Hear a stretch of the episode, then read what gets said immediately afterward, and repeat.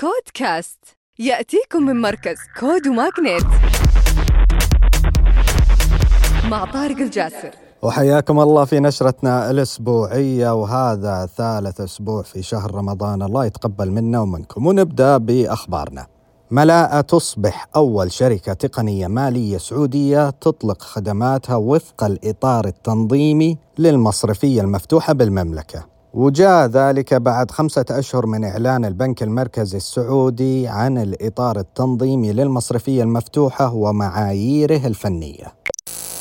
وأيضا البنك المركزي السعودي المدفوعات الرقمية تستحوذ على 62% من إجمالي عمليات الدفع في المملكة خلال 2022 وبذلك تكون متخطية التوقعات المسبقة لبرنامج تطوير القطاع المالي اللي كان يستهدف الوصول إلى 60% أما منصة هكبه تغلق جولة استثمارية pre-Series A بقيمة 7.5 مليون ريال بقيادة Global VC MENA. ومنصة هكبه عندهم 120 ألف عميل موثق على منصتها وتمكنت في 2022 من مضاعفة نموها 20 مرة. وهي منصة مختصة بالدوائر المالية ومثل الجمعيات.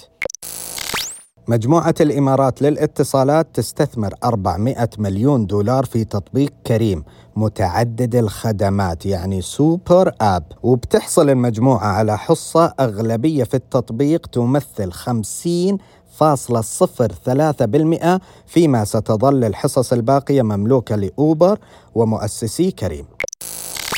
أما Savvy المملوكة لصندوق الاستثمارات العامة تستحوذ على Scopely الأمريكية مقابل 4.9 مليار دولار سبق لشركة Scopely وسبق لشركة Scopely إطلاق العديد من الألعاب من بينها Star Trek وأيضا Scrabble Go وغيرها من الألعاب.